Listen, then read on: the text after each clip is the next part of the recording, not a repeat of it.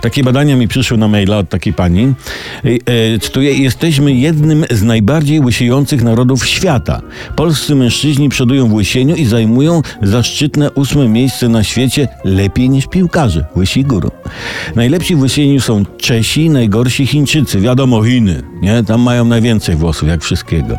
Naukowcy obliczyli na drodze badań, że o łysieniu decydują przede wszystkim skłonności genetyczne i także na przykład w Czechach zaobserwowali, cytuję, że profil hormonalny, notujmy, przedwcześnie łysiejących mężczyzn jest bardzo zbliżony do profilu hormonalnego kobiet chorujących na zespół policystycznych jajników. Dlatego sprawdźcie faceci, czy nie macie czasem policystycznych jajników. Można to zrobić palcem albo lepiej iść do lekarza.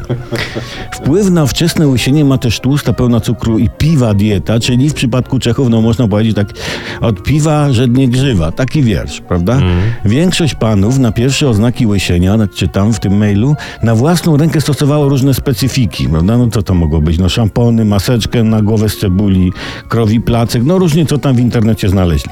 Teraz przeszczepy są modne, a to już nie taniej zapuścić brodę i zaczesać ją na głowę, wiążąc z tyłu gustowną pytkę. Trzeba oczywiście zrobić od frontu takie otworki na oczy, żeby, żeby widzieć.